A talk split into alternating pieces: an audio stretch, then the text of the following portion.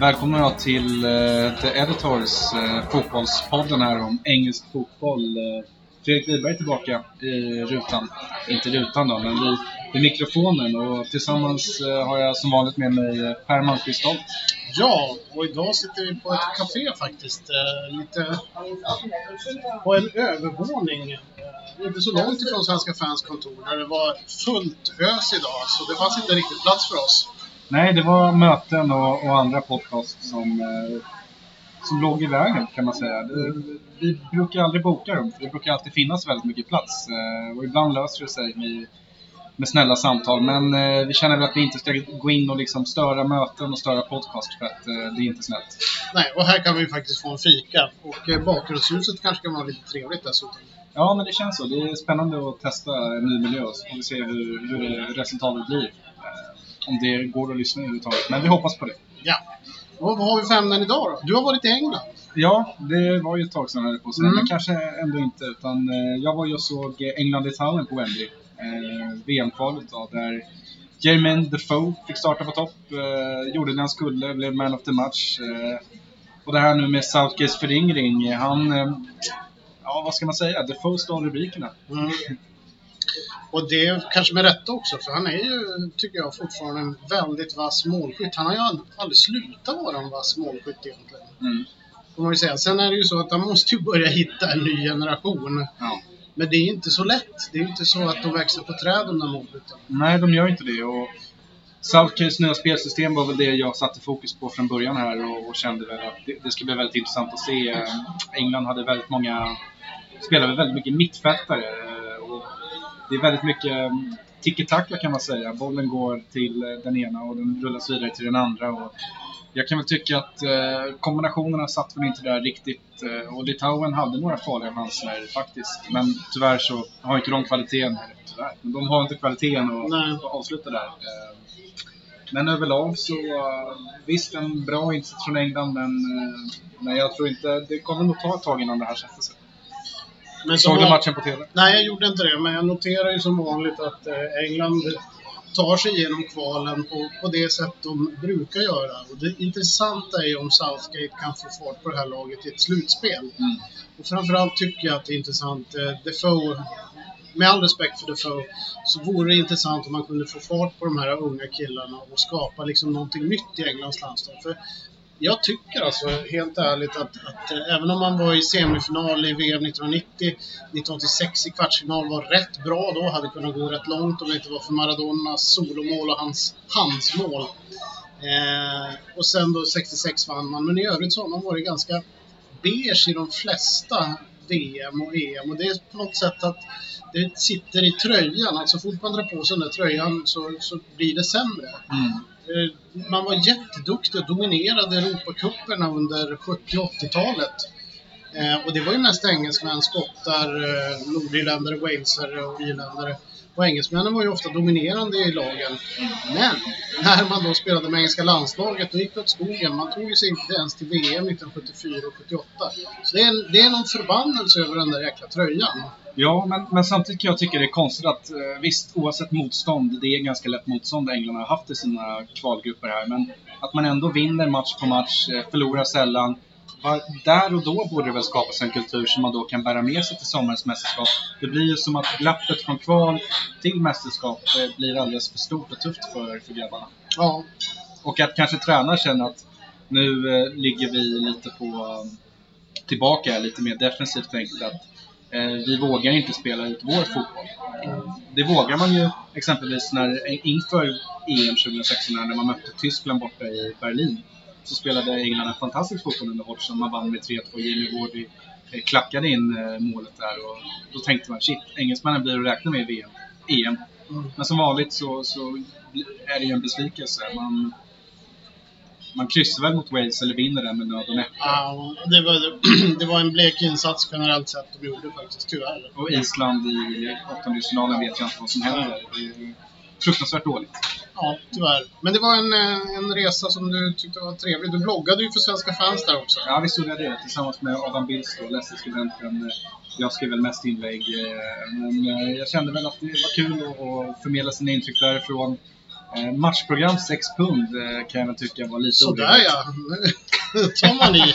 Ja, visst Var det tjockt då? Var det A4 eller? Ja, men ett standard matchprogram. Ja. Mest reklam och jag tycker väl att det var väl något man, man höjde på ögonbrynen för. Och den här, jag skrev det i bloggen också, att det var kö till arenashoppen både innan match, förmodligen kanske under match också och efter match. Och kö i själva butiken. Alltså det var kö överallt.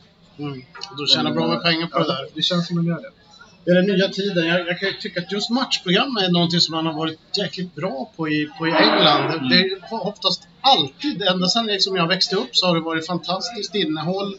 Ofta fyrfärgstryck, eh, men ändå inte så dyra. Så det, Nej, det har men att varit man, en att man nu liksom sätter de här priserna, det är ganska sjukt. Och det är inte snällt mot de som liksom har då köpt en ganska dyr matchbiljett, kanske tar med sig hela familjen. Matchprogram borde ingå kan jag tycka på köpet. Eller åtminstone tre punkt. Det är väl rimligt. Det är, när jag går och kollar Championship-matcher brukar det inte vara mer än tre punkt. Nej. Landslaget i England verkar ha tagit samma steg som många andra av de stora klubbarna. Det vill säga att det är bara de eh, välbemedlade medelklassmänniskorna som har råd att eh, gå och ha en sån här dag. För att om du ska göra det, du kommer dit, det är biljetter, sen ska du äta någonting, Tågresa. tågresa. Du ska ju helst köpa något i shoppen och det är ofta svindyrt i de där shopparna Mm. numera. Eh, inte så häftiga grejer om jag ska vara riktigt ärlig. Ehm, och sen då så lägger man på de här programmen och så jag kan tänka mig att ölen inte är jättebilliga. Nej, och en paj på arenan. Ja, Nej, det. Ja, nej, men det, det är dyrt. Däremot, vi släpper landslaget nu Ja. tycker jag.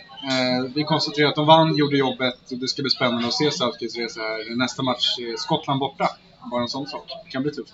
Ja. Eh, och om vi då, på gränsen till Skottland så hittar vi ju nästan eh, Hull City, Middlesbrough. I alla Mm. fall nordöstra England. Jag tycker Ja. att vi stannar kvar där. Eh, Hull City igår då slog, då, slog just rivalen Middlesbrough med 4-2. Har nu eh, vunnit väldigt många matcher under 2017 här och har varit obesegrade hemma på eh, Casey Stadium. Mm. Det här trodde man ju inte i augusti-september. Nej, det är definitivt inte. Och, Och nu är man på rätt sida strecket också. Ja, det ser rätt eh, starka ut också. Laget, alltså truppen är ju inte så stark egentligen. Jag kan tycka att Middlesbrough har en bättre trupp. Men eh, de har fått någon ny energi i laget. Marco Silva. Ja, tydligen har han lagt om träningsrutiner. Han har lagt om väldigt mycket som har fått en tidig effekt så att säga. Och, Och då får man ge ägaren här i City cred för, för plocket, valet av att ta in här Silva och verkligen tro på att det här gör att vi kommer hålla oss kvar. ja, det måste man ju ge honom. Och några smarta värvningar också. Grosicki, Andrea Ranocchia framförallt, mittbacken Mm. har varit lysande och eh, sen har de ju väldigt många olika forwards, Genias, Hernandez och allt vad de heter. Och Nias vet ju jag, han kommer ju till Det var ju Roberto Martinez som köpte han till Everton för något år sedan. Jättedyr. Och han platsade ju knappt i Evertons U21-lag. Han var inte alls bra, men där har han liksom fått den här självförtroende och den här utvecklingen som han, som han då behövde, bevisligen. Eh, och jag kan väl tycka att, jag undrar ju liksom vilken roll eh, ägaren hade gett filen. Han blir ju lite grann av en killen som fick ta hand om den här skiten till dess att han, han hade hittat någon ny riktig Ja. manager. För att filen hade ju inte så mycket att jobba med. Det, fann, det kom ju mer resurser. Jag menar, han, de köpte ju ingenting vettigt innan. Det, det var ju knappt som de hade en trupp när säsongen startade. Men nu kan man köpa. Ja, jag menar det också. Det känns lite märkligt att eh, om pengarna inte fanns där då, hur kan de då finnas i januari? Nu har man ju inte köpt jättedyrt och det Nej, har varit mycket ändå. lån Mm. också. Andrea Ranocchia kommer på lån och Grosicki var väl den, en av få man köpte. Markovic är väl också på lån. Men jag håller med dig, det är, eh, det är märkligt.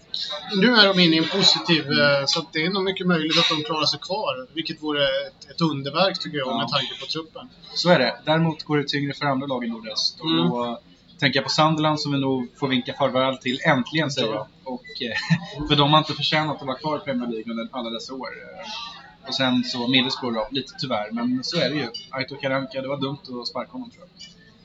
Ja, det var för tidigt. Om, om filen gett positivt, sparken av filen gav någonting positivt så har ju Karanka inte gett det. Eh, ingen ny energi överhuvudtaget. Och, eh, Middlesbrough har väl aldrig, tycker jag, den här säsongen spelat med någon större energi. De har varit svårslagna. Problemet är att när ett svårslaget lag helt plötsligt börjar förlora, då finns det liksom ingenting mer att, att, att göra. Då är det svårt liksom att börja ta till någon offensiv glad fotboll Mm. eller något sånt där. Men man kan väl tycka, man stirrar sig väl blind på liksom de här finesskillarna så att säga. Negredo, Ramirez och Mm. Stuart Ja, Downing i viss mån då. Ja. Men eh, Deron eh, och någon till eh, flaxig kille där på topp. Men eh, ja, jag vet inte, det är försvaret som inte riktigt eh, håller ihop känner jag. Victor Valdes i målet, åldern börjar ta ut sin rätt. Ja, det verkar så. Så att det ser väldigt dystert ut för. Och jag tycker det är tråkigt. För det är klart att jag skulle gärna vilja se dem kvar där uppe. Och framförallt för nordöst. För nu kanske Newcastle går upp då. Så att det blir ett lag i alla fall därifrån. Men eh, det tycker kanske inte Borough och Sunderland-fansen är särskilt kul. Men eh, Däremot skönt för alla andra engelska lag att slippa göra den här långa resan kanske. ja, fast de får ju fortfarande åka till Newcastle då om de går upp. Så att, eh, Det hade kunnat vara fler lag. Ja, tre stycken reser upp till nordöst. Och igår då under eh, onsdagskvällen, vi tänkte väl gå in lite på den matchen. Eh, Swansea Spurs. Mm. Swansea hade ledningen fram till 88 minuten, var över strecket. Sen faller man upp som ett korthus. Tottenham gör tre snabba. Och nu är walesarna under strecket här. De som såg så bra ut där. Fick en uppryckning, uppryckning under Paul Clement och Gylfe Sigurdsson och grabbarna såg till att leverera. Men nu känns det som att, eh, ja, det kan bli Championship. Det är lite synd. Jag tycker de, har, de kan vara rätt trevliga att se på ibland, Swansea, får jag säga. Gylfi Sigurdsson är ju en sån som inte kommer att stanna om de åker Nej. ur. Han kommer ju ha väldigt mycket bra erbjudande Visst. att välja på. Det kanske han har ändå. Han kanske lämnar hur som helst. Men, eh, så att, eh, men det, återigen, det, det är just den här, när man kommer in i den här sista, skälvande delen av säsongen. Kommer man in här utan självförtroende och utan eh, någon form av medgång, då är det svårt att vända. Så att de lag då som man vänt nu kanske några matcher tidigare, de har ju en viss, en viss fördel får man väl säga. Det är frågan hur mycket den här förlusten tog på moralen. Tror Man har ändå ledningen mot Tottenham Mm. i 80, i 80 minuter. Det borde ju liksom Ja. kännas att ja, det var en tillfällighet. Ja, ja, men det är ändå...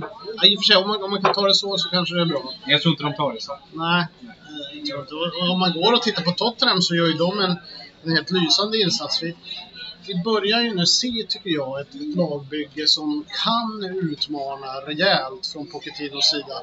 Det verkar som att man har liksom undan för undan slipar man bort de här gamla problemen som finns i Tottenham som laget som aldrig riktigt når ända fram. Nu kommer man sannolikt högst bli tvåa. Man är i och för sig fortfarande kvar i FA-cupen.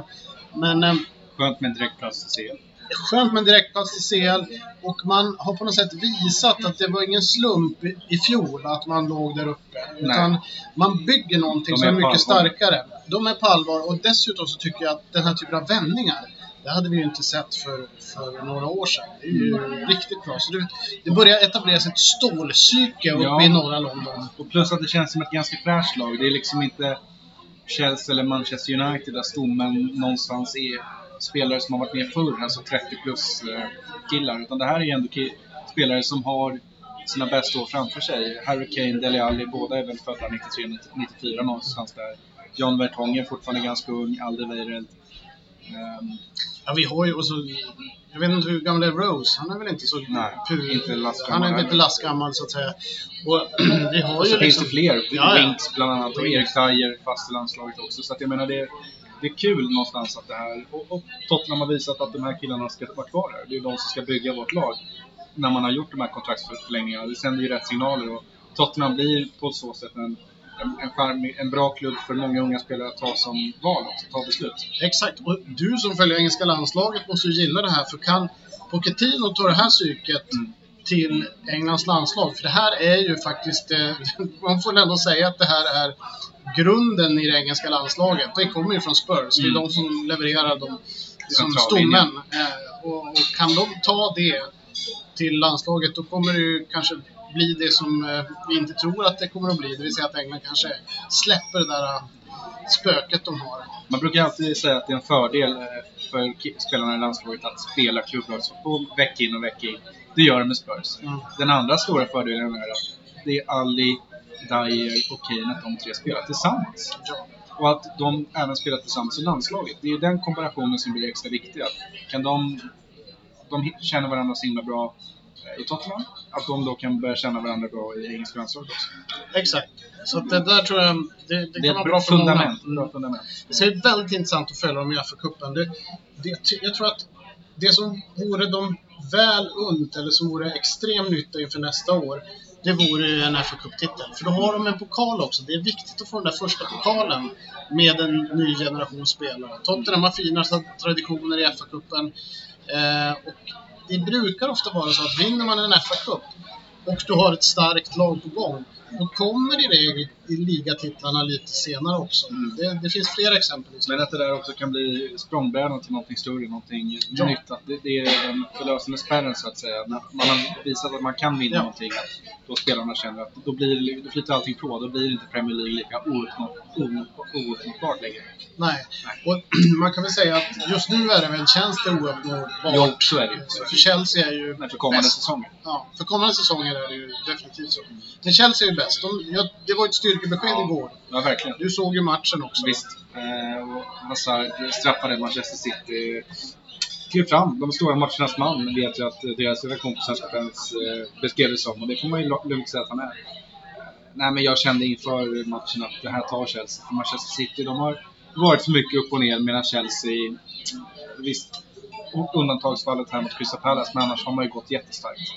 Och nu är ju ligan klar.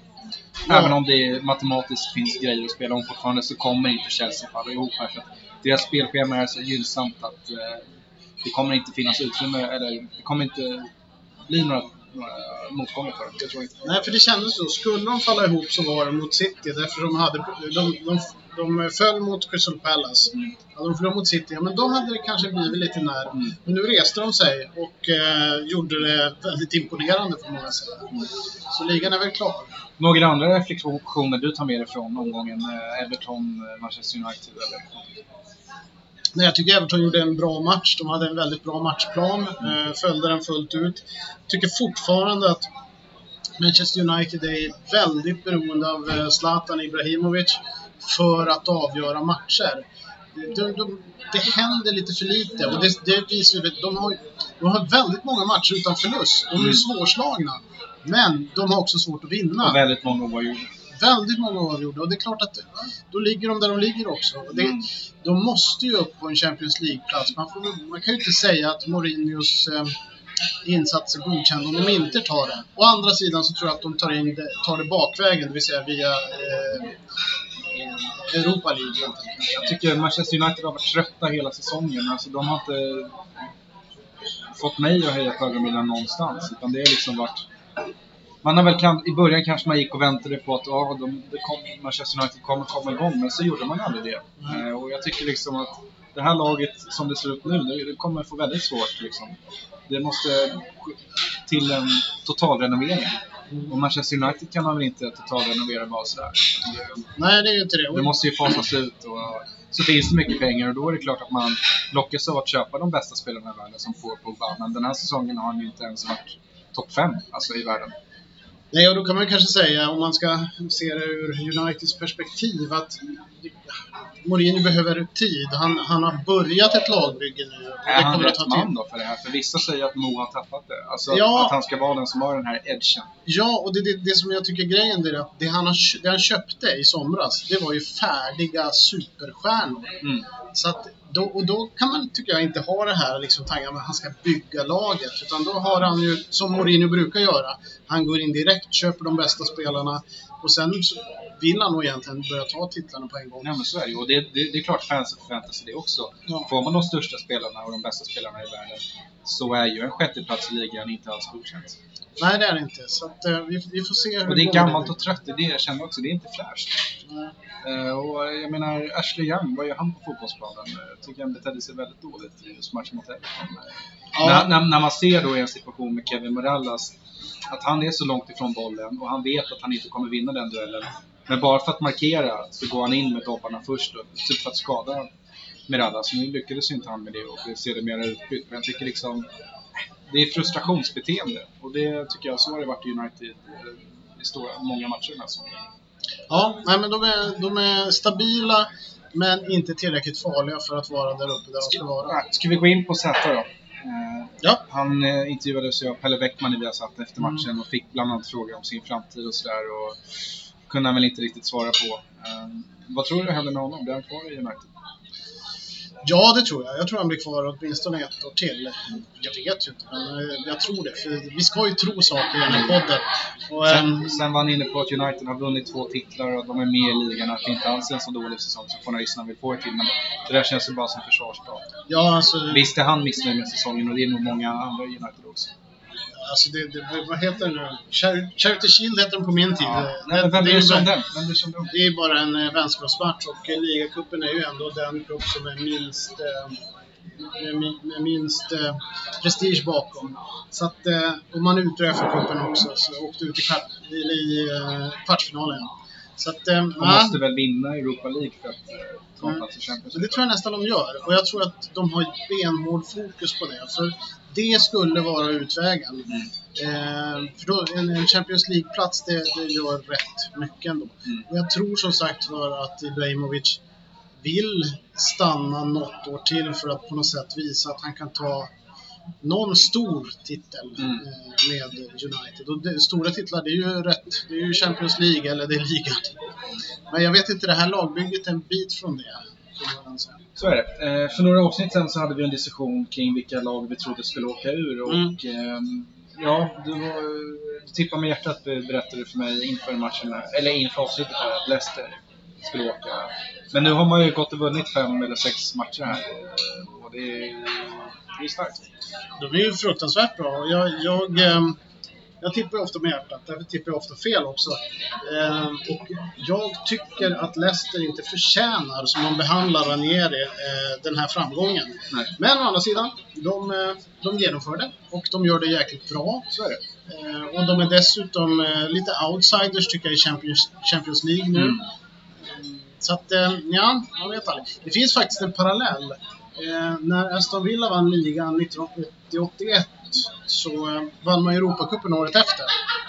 Och under den, mitt under den säsongen så eh, avgick managern Ron Saunders. Mhm. Fast han avgick självmant på grund av ett, ett gräl med styrelsen för han tyckte inte han fick tillräckligt mycket eh, pengar för att köpa nya spelare för att vara drabbad av skador.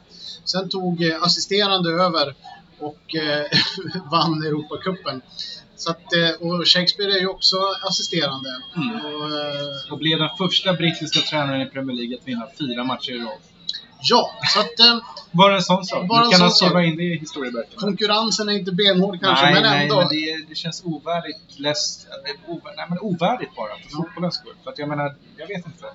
Det är, inte så, det är ingen prestation Shakespeare. Det är ju snarare Leicester som, som har spelat väldigt dåligt under säsongen och nu fick liksom för sig, nu bestämde de sig för att rycka upp sig och så ryckte de upp sig. Jag menar, Det känns som att spelarna stack kniven i ryggen på Ja. Ranieri och när de gjorde det så blev de nöjda och glada och så började de helt plötsligt prestera. det hade ju varit häftigare om en sån som Eddie Howe hade tagit fyra raka med Bournemouth. Liksom. Mm. Ja, Då det, hade det varit mer värdigt. Men men, de kanske gör nästan Villa. Craig Shakespeare vinner Champions, Champions League. Nej, jag tror Ja, inte men... men eh, det är alltid intressant att leka med tanken. Det vore dessutom dåligt för mitt Everton kan jag säga. För att om, jag tror att det finns så många uträkningar hit och dit. Men jag tror att en sjunde plats som det ser ut nu kan räcka till Europa League. Dock inte om Leicester vinner Champions League. Mm. Och då tror jag dessutom de som hamnar fyra eh, inte heller får kvala till Champions, Champions League. Nej, det ska bli spännande att se hur säsongen slutar här och jag hoppas väl att Crystal Palace blir sista laget som åker här. Även om man har ryckt upp sig nu under Big Sam Allardyce och Christian Benteke ser ju vass ut på topp men det är ett lag jag tycker hör hemma i Championship. Ja, det får man väl ändå säga. Men ja, det ser ju väldigt bra ut just nu. Mm. Där har ju du ett, ett du gillar ju inte Big Sam. Nej, jag gör inte det, så det är väl lite därför jag tycker att de ska åka också. Jag Mm. Har mer sympati för, för Wales-klubben Swansea faktiskt. Mm. Även om det har varit lite för många tränarbyten den här säsongen och då brukar det sluta illa. Jag vet ju att Fulham gjorde tre tränarbyten under eh, en säsong där Premier League åkte ur. Eh, när man började med Martin Joll, eh, tog in Moilenstein och vad hände sen? Ja, jag vet inte. Det var Nej, men faktiskt. det, var, det var lite stökigt. Det brukar sällan vara bra i alla fall att byta så mycket. Nej, det, det funkar inte. Men Championship då? Du har ju ägnat lite tid åt Blackburn Rovers. Jag gjorde ju det. Det är lite intressant öde. Ja, det är ju det. Eh, de turk, inte turkiska, men de indiska kycklingföretagarna Venkis har ju styrt den här klubben sedan 2010. Mm. Och eh, håller ju på att köra med botten nu. Jag, de redovisade en förlust innan skatt på nästan 18 miljoner kronor. Nej, 18 miljoner pund då. Mm. Eh, Så det finns ju inte pengar att investera i nya spelare i Blackburn och det ser man ju på laget nu också. Att den gamle Celtic eh, mitt- mittbacken Charlie Mulgrew Mm. tror jag som är eh, den största spelaren i Blackburn och West Brown är där också. Nu vet inte hur mycket han har lirat men, men man är i alla fall under strecket, har förtvivlat svårt att vinna matcher och eh, har en fruktansvärt dålig form och ser ut att åka ner till League One. Och det, där har inte Blackburn varit på jag vet inte hur länge. Eh, De har ju varit ett stabilt Premier League-lag sen, sen de vann. va? Mm. Och eh, har ändå tagit hyggliga mittenplaceringar i Championship nu under åren. Eh, inte hamnat på någon playoff-plats för att ta, ta, ta klivet upp, men det vet vi ju att det är väldigt tufft att göra det. Så. Ja, det känns bara tråkigt, för det är liksom ett fint klubbmärke, klassisk klubb. Eh, men nu känns det bara som att Wenkes här, det blir helt fel. Ja, och vi får se hur det går. Eh, För eh, Vad är dina känslor för Rovers? ja, de är rätt starka. Jag har ju, när jag växte upp så var ju- det var ju början på, slutet på 70-talet, början på 80-talet. Då var ju de det här laget som alltid hamnade fyra, alltså strax under de som skulle flyttas upp i, i högsta, högsta divisionen. Och bland annat eh, Evertons legendariska manager Howard Kendall tränade ju dem innan han eh, kom till Everton. Dessutom fick jag ju en, vi fick en bok av eh, Henrik, vår kollega, Henrik Persson, vår poddkollega, som handlar om eh, en fysioterapeut som eh, var i Everton under en period. Han spelade också tror jag, i Blackburn och Birmingham. Eller han var fysioterapeut i Blackburn också, plus han spelade i Birmingham tillsammans med Howard Kendall. En fantastiskt rolig bok för övrigt. eh. Så det, det finns någonting där. Så jag har följt dem liksom indirekt genom årens lopp. Ja. De hade dessutom eh, en kille som heter Glenn Keely som var mittback länge hos dem. Och han har gjort en enda halvlek för Everton genom tiderna. Han har dessutom gjort en halvlek i ett Merseyside Derby. Det var någon gång 82 tror jag det var, eller 83. 82 var det nog. Då Howard Kendall tyckte att "Ja, jag behöver en förstärkning. Så han lånade Glenn Keely. Man kunde ju göra transfers mitt under säsongen då. Han lånade in Glenn Keely eh, på en fredag och så meddelade att han skulle spela i derbyt på Goodison på lördagen. Till mångas förvåning faktiskt, får man väl säga. Och stackars Keely kommer in och eh, Kenny Dalglish och Ian Rush gör honom alldeles snurrig i huvudet. Det slutar med att han drar ner eh, Kenny Dalglish, tror jag, fri, friläge och blir utvisad. Eh, matchen slutar 5-0 till Liverpool, så det är en fullkomlig katastrof. Och Glenn Keely syntes aldrig mer i en Everton-tröja efter det. Jag har ju lite minnen från nutid då med, med Tunkar där på mittfältet. Eh, Man hade Mårten Gamst Pedersen som vänsterytter och Chris Samba som mittback. eh, Bra killar. Dan, ej att förglömma mittfältsmotorn där som, som krigade på säsong efter säsong. Ja, men ett ganska charmigt lag ändå, Blackburn. Och, Ja, och så har de ju vunnit Premier League. Ja. De och Leicester är ju de enda utanför de här eh, superrika lagen som har vunnit. Då hade de i och för sig rätt mycket pengar. Alan Shearer hade med laget också, som vann hela skytteligan i Premier League. Ja, det så Över 30 mål. Radarparet Chris Sutton och Alan Shearer var ju makalöst. Och så hade de ju mittfältare med Tim Sherwood till exempel. Eh, jag tror de hade några riktigt bra yttrar. Och, och Colin Henry höll ihop försvaret där i, i, i mitten. Det var ett riktigt bra lag. Jacobo på topp minns jag också. Junior Hoylet slog väl någonstans igenom där också. Som... Men det finns mycket tradition i Blackburn Rovers. Så det vore ju synd. Men nu har man ju sålt alla sina bra spelare också. Så Jordan Rhodes försvann, eh, Rudy Gested, eh, Mm. Joshua King som eh, är fantastiskt bra i Bournemouth nu för tiden. Ja. Ben Marshall gick till Wolves. Det senaste var Tom Kearney som är en stjärna i Fulham nu och håller på att skjuta dem upp. Blev ju säsongens spelare i Blackburn för några säsonger sedan tror jag. Det, liksom att det, det har blivit som en grej att är det för bra för Blackburn så, så, blir, så tvingas det gå. Och det är väl en ekonomisk åtgärd att de har stora skulder och då måste man då försöka göra de här transfersen för att försöka stabilisera ekonomin igen. Men det är ju Wenkes som är direkt skyldiga till att det har blivit så här. Mm. Det Tyvärr. är, det är tråkigt, för det är, det är en fin klubb som nu håller på att glömmas bort här. Och hamnar man i League så vet vi ju alla att återtåget eh, det är tufft och det är tungt, det är stort liksom. Ja, vi får följa ödet och hoppas ändå att det går bra, men det ser inte ut att gå bra i alla Men fall. hur, inte. hur, bra, hur sunt är det då att stanna kvar om man skulle överleva en säsong till i Championship? För jag menar, vad har då Venkis för framtidsplaner? Vad ska de investera i? Finns det pengar? Är det inte bättre då att, för Blackburns del, att man kanske åker ner till League One, det kan bli någon slags sanering, Venkis tappar intresset, klubben ligger ute till försäljning, någon med hjärtat på rätt plats eh, köper klubben. Ja, Att man börjar om med nya talanger och så. Det kan inte det vara ganska friskt att klubbar gör den, den resan? Ibland är det ju det. Eh, när det går bra så är det ju det. Sen är det ju en del klubbar som aldrig liksom kommer upp riktigt igen. Och, eh, problemet är, min erfarenhet, eller erfarenhet, är de klubbar som jag tittar på när det har varit så här riktigt tunga ekonomiska nedgångar och eh, konsekvenser av dåligt ägarskap. Det tar så ofantligt lång tid att ta sig tillbaks från det. Det är det som är problemet. League 2.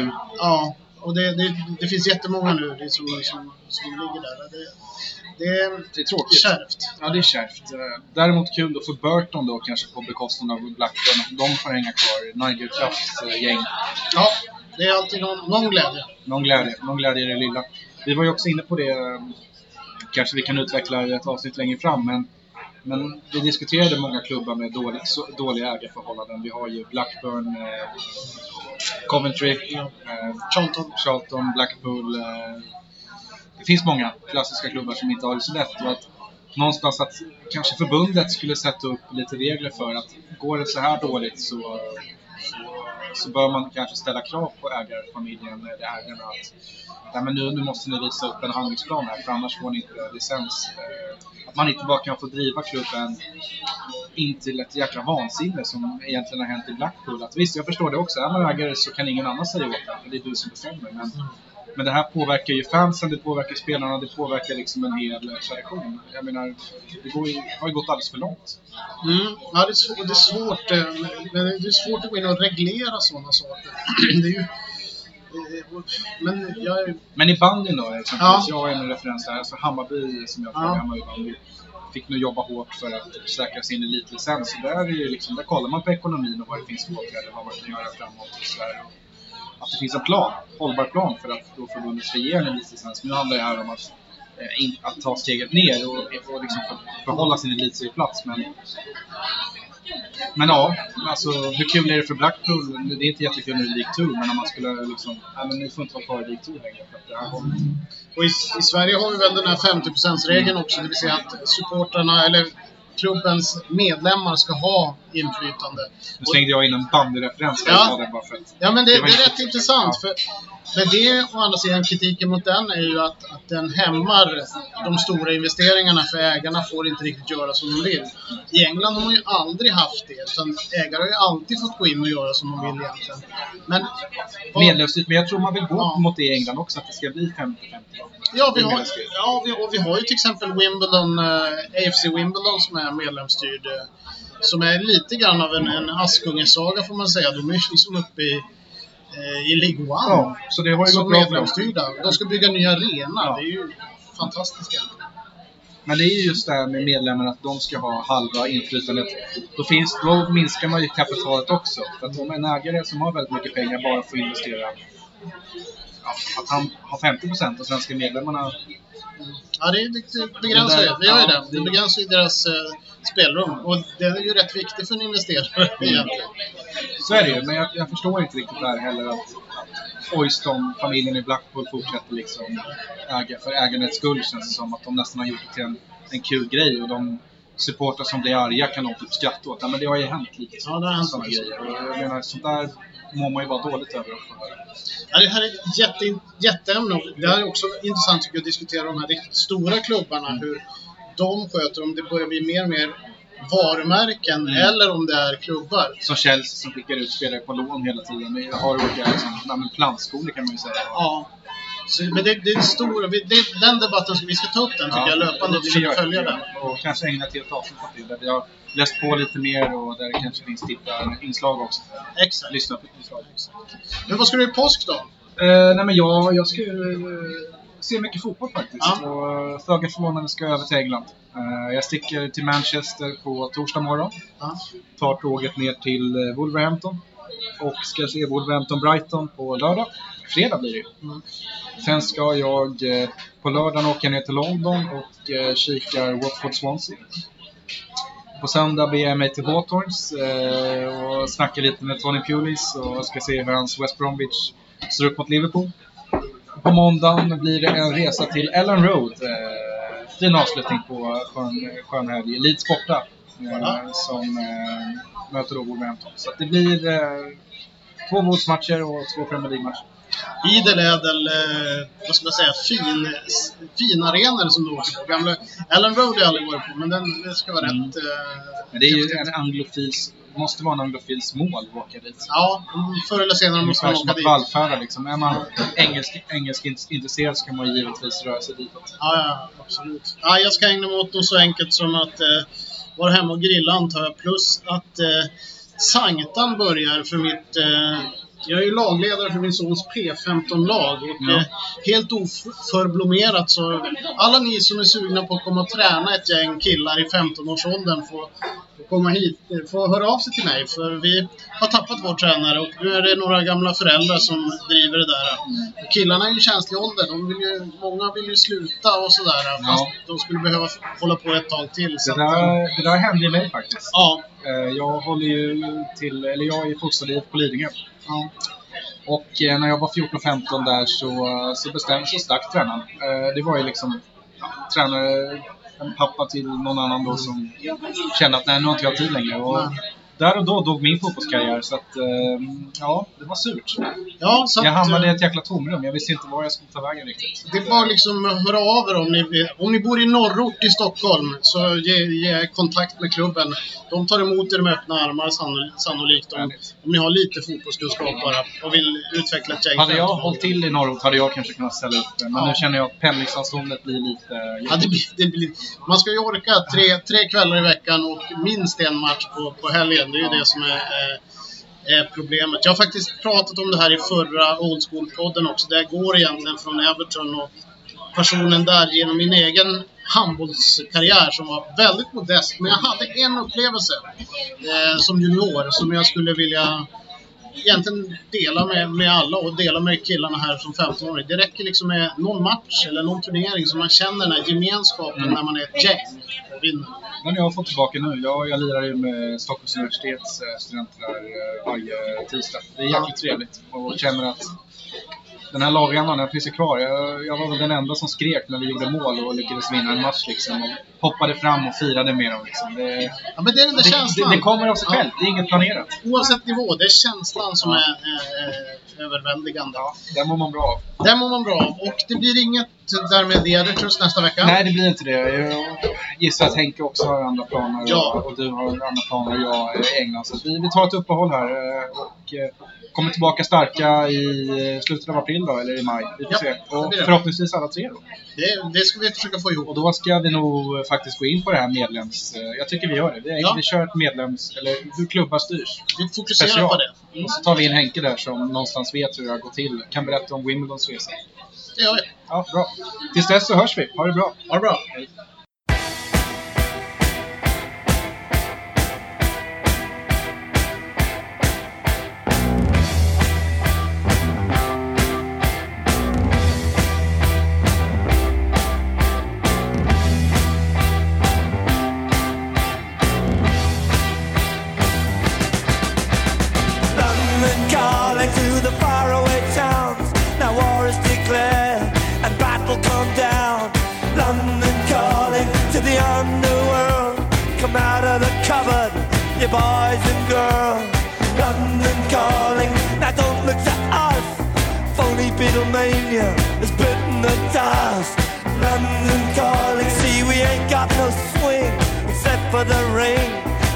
it's your thing, the ice is